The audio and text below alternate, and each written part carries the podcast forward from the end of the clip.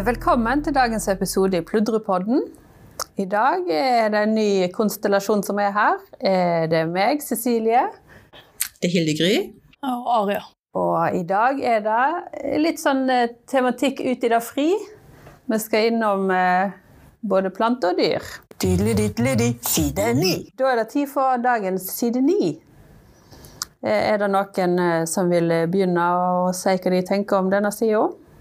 De er ute i naturen, og her eh, er det et dyr som er ute og springer.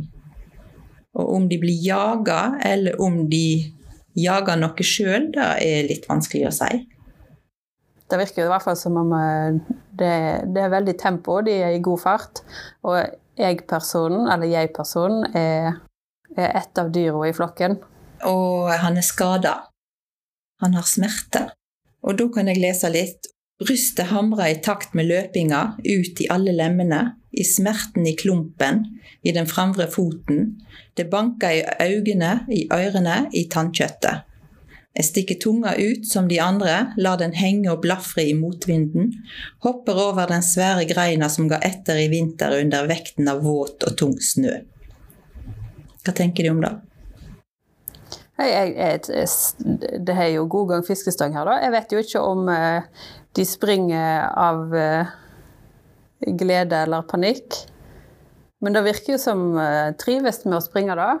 Gjør som de andre og har en sånn flokkmentalitet, noe som gjør at jeg tror det er ulv, da. Ja, det tenkte jeg òg. Eh, Men om boka handler om ulv, eller om det er en drøm, eller om det er et eller annet, det vet jeg ikke. Og så virker det så idyllisk helt til den der klumpen kommer inn. Ja. Og da, jeg vet liksom ikke hva jeg skal tenke om det. Det er mye snakk om den klumpen. Og hva er klumpen? Det er en verkebyll? Ja, det høres en eller annen ut. skade, noe som oser ut? Ja. Det snakker jo om den grågule væska som begynte å sive ut. Så det er jo tydelig at det er en, en slags svull. Men om det er en tenkt svull, eller om det er Kanskje det er en som er veldig sjuk, som har gått inn i At det er sånn feberdrøm? Ja. Det er jo veldig tidlig i boka, da. Jeg tviler på at han dør på side ti. Ja. Så Kanskje en skikkelig kort bok? Vi har jo bare side ni. Hva om det er noe sånn her fantasigreie? Sånn så de der som skifter form, og så blir det et dyr. Ja. Om det er en sånn vampyr, ja. eller om det er faktisk ja, at det er sånn fantasy Ja, om det er fantasy, bok. eller om det er en Ja. eh, novelle.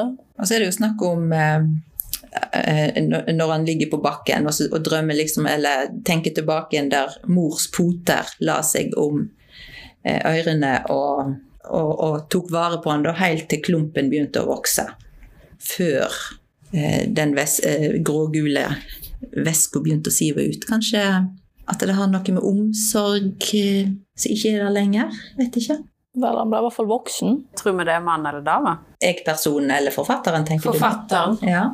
Jeg tror det er skrevet av en mann. jeg, jeg tror det er dama. Jeg tror det er en mann som har sett masse på Dr. Pimple Popper. Overbevisende. Nei, da er det dama, forresten. Jeg trekker tilbake. Da er Det det er eh, nasjonalitet, da. Hva tenker vi der? Jeg tror det må være norsk eller nordisk. Jeg tenker nordisk. tenker jeg. Spørs om han er oversatt, eller om han han er sikkert vært på engelsk. Nei, vi må få vite dette. Hvem det er. Ja. Skal vi hente inn Trude Hege, som skal avsløre for oss? Avsløre hvem det er, hva det dreier seg om. Ja, det tror jeg vi må. Nå er jeg spent på hva dere kom frem til, da. Um, men jeg må vel først avsløre da hvilken bok det er. Det er en kvinnelig forfatter som heter Ida Fjellbråten. Og boka uh, har tittelen 'Jerv'. Å, det var jerv og ikke ulv! Var veldig nærme. Ja, og det er sånn at em, mm, det, Dere kom inn på side ni, og da var det allerede skrevet et kapittel om, eh, en om hovedpersonen. Så jerven er ikke hovedpersonen, men en slags bidyr, da. Eh, hovedpersonen er en eh, jente eller kvinne som bor på en sånn institusjon. Og er litt sånn litt lettere underutvikla i forhold til verden rundt seg, da. Og uh, hun jobber som vaskehjelp på, um, i en dyrehage. Uh, Så det her er jo på en måte uh, hva skal jeg si, menneske møter natur, natur møter menneske, og veldig sånn intenst og rått, som den naturen jo er da. Det blir voldsomt dramatisk utover boka da. Jeg har ikke lest noe av den forfatteren før, så det var en, ny stemme for meg. En tynn liten bok som eh, man leser fort på eh, det, var ikke, det var ikke mange timene det tok, i hvert fall. Jeg, jeg syns det var kjempegøy. Likte dere boka, eller? Ja. Eller, ut, eller siden ni? Jeg syns det var veldig spennende sider. Det var mye som eh, skjedde. Og så ble jeg veldig Får jo vondt av uh, dyret, da, som har denne byllen. Ja, og det som er litt sånn dumt, er jo det at det blir jo faktisk litt verre, dette her. Men hvem er menneske, og hvem er dyr? Det er tanker som settes, settes i gang da av denne boka. Ja, vel verdt å lese, syns jeg. Jeg likte det veldig godt, så jeg skal iallfall følge med på den uh, unge forfatteren her. Er det, det debuten, eller? Ja, som er hennes, eh, ja, det er hennes debutroman. Spennende.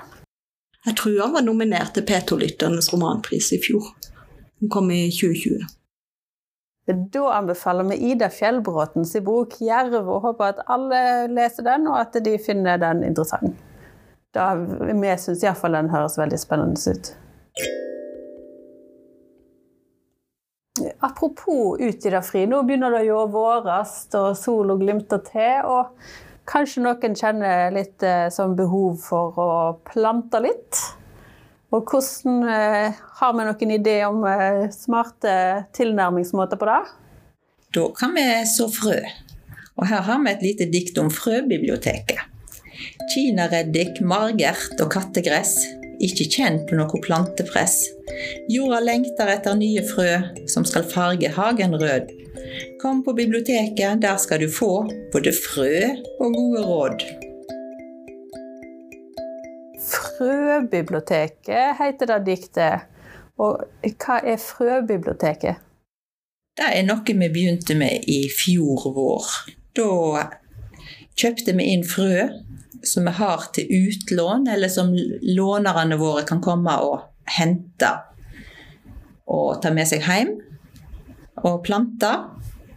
Og vi har jo all slags, eller mange sorter frø, da. Vi har chili, reddik, tomat, agurk, paprika, sukkererter, solsikke og ringblom og squash, blant annet. Så da får de med seg frø hjem og planter. Og de vokser i hagen og trives. Og når høsten kommer, så De som har litt til overs, de kan da levere frøene tilbake. Altså, jeg kommer ikke med squashen og leverer på disken. Nei, de kommer med et frø fra den squashen og kan levere tilbake. Da må de ha tørka de sånn at de, de er tørre og fine, disse frøene som de leverer tilbake til oss. da. Og så at de skriver ned på en lappe hva slags frø det er, og så leverer de tilbake til oss. Og så samler vi de og leverer de ut igjen til neste år. Hva er den beste måten å tørke det på? Hva er vanlig? Nei, romtemperatur. At, at de ikke ligger så de ikke mygler. Ja. Ja. Så en tar ikke den amerikanske varianten og legger det i mikro til de er tørre. Jeg har ikke prøvd, faktisk. Er det kun katter som kan spise kattegras? Det tør jeg ikke gi meg ut på, men dette kattegraset er jo laga Eller katten eter jo gras for å rense tarmene sine. Så hvis en hund eter kattegras, så tror jeg det går helt fint. Så kjekt. Så da kan alle som eh, vil, komme innom og låne frø her hos oss. Ja. Helt til det er tomt. Helt til det er tomt. Og hvis det er tomt, så kjøper vi nytt. Så flott. Ja.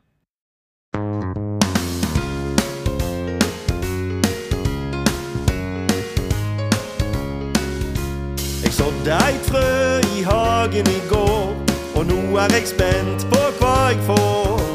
Men morgenen etter når jeg gikk for å kikka, lå det tusen snegler der i hagen og hikka.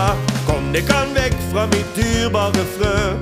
Blikket mitt endra seg fra glad til rød. Ingen skal få ødelegge plantene mine. Jeg henter motorsaga og saga mens jeg griner. Hagen min var så grønn og fin. Nå er den blitt mitt mareritt.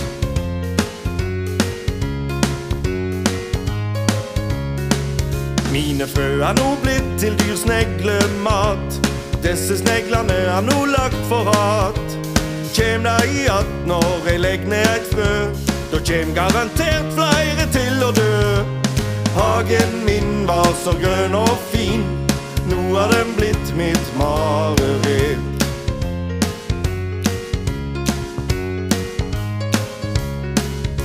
Nå sitter jeg på vakt og passer på hagen. Jeg har ikke sovet, har for vondt i magen. Det er ikke lett med en invasjon når de dyrebare frøa ikke blir en blom. Hagen min var så grønn og fin, nå er den blitt mitt mareritt.